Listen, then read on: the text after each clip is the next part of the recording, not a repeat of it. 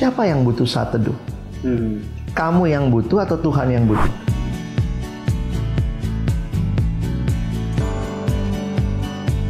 Bang, mau nanya, kalau tadinya saat teduh sempat bolong-bolong dan sekarang mulai fokus lagi sama Tuhan dan mau saat teduh secara rutin, apakah itu sedang dalam proses bertumbuh?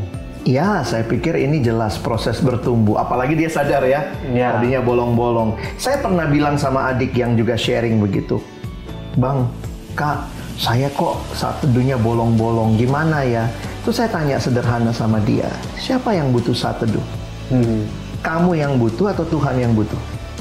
Ternyata ya jawabannya sebenarnya yang butuh kan kita. Kita betul. Kalau kita nggak saat teduh yang rugi itu bukan Tuhan, kita, kita. gitu. Hmm. Nah, karena Tuhan yang mau kita bertumbuh sehingga bagi teman-teman yang mungkin setelah mendengar uh, live kita hari ini punya komitmen, saya doakan kalian akan terus bertumbuh karena kita mau bangkit dari kegagalan kita, kita mau bangkit dari sekedar bolong-bolong, mau menjadi rutin karena kita cinta Tuhan, kita mau bertumbuh dalam Dia. Betul betul. Menarik sekali ya ini iya. dari pertanyaannya. Ini buat sobat muda yang sampai hari ini masih hmm. bolong-bolong hmm. atau bahkan belum pernah bersaat teduh, tidak pernah ada kata terlambat Betul. untuk memulai ya.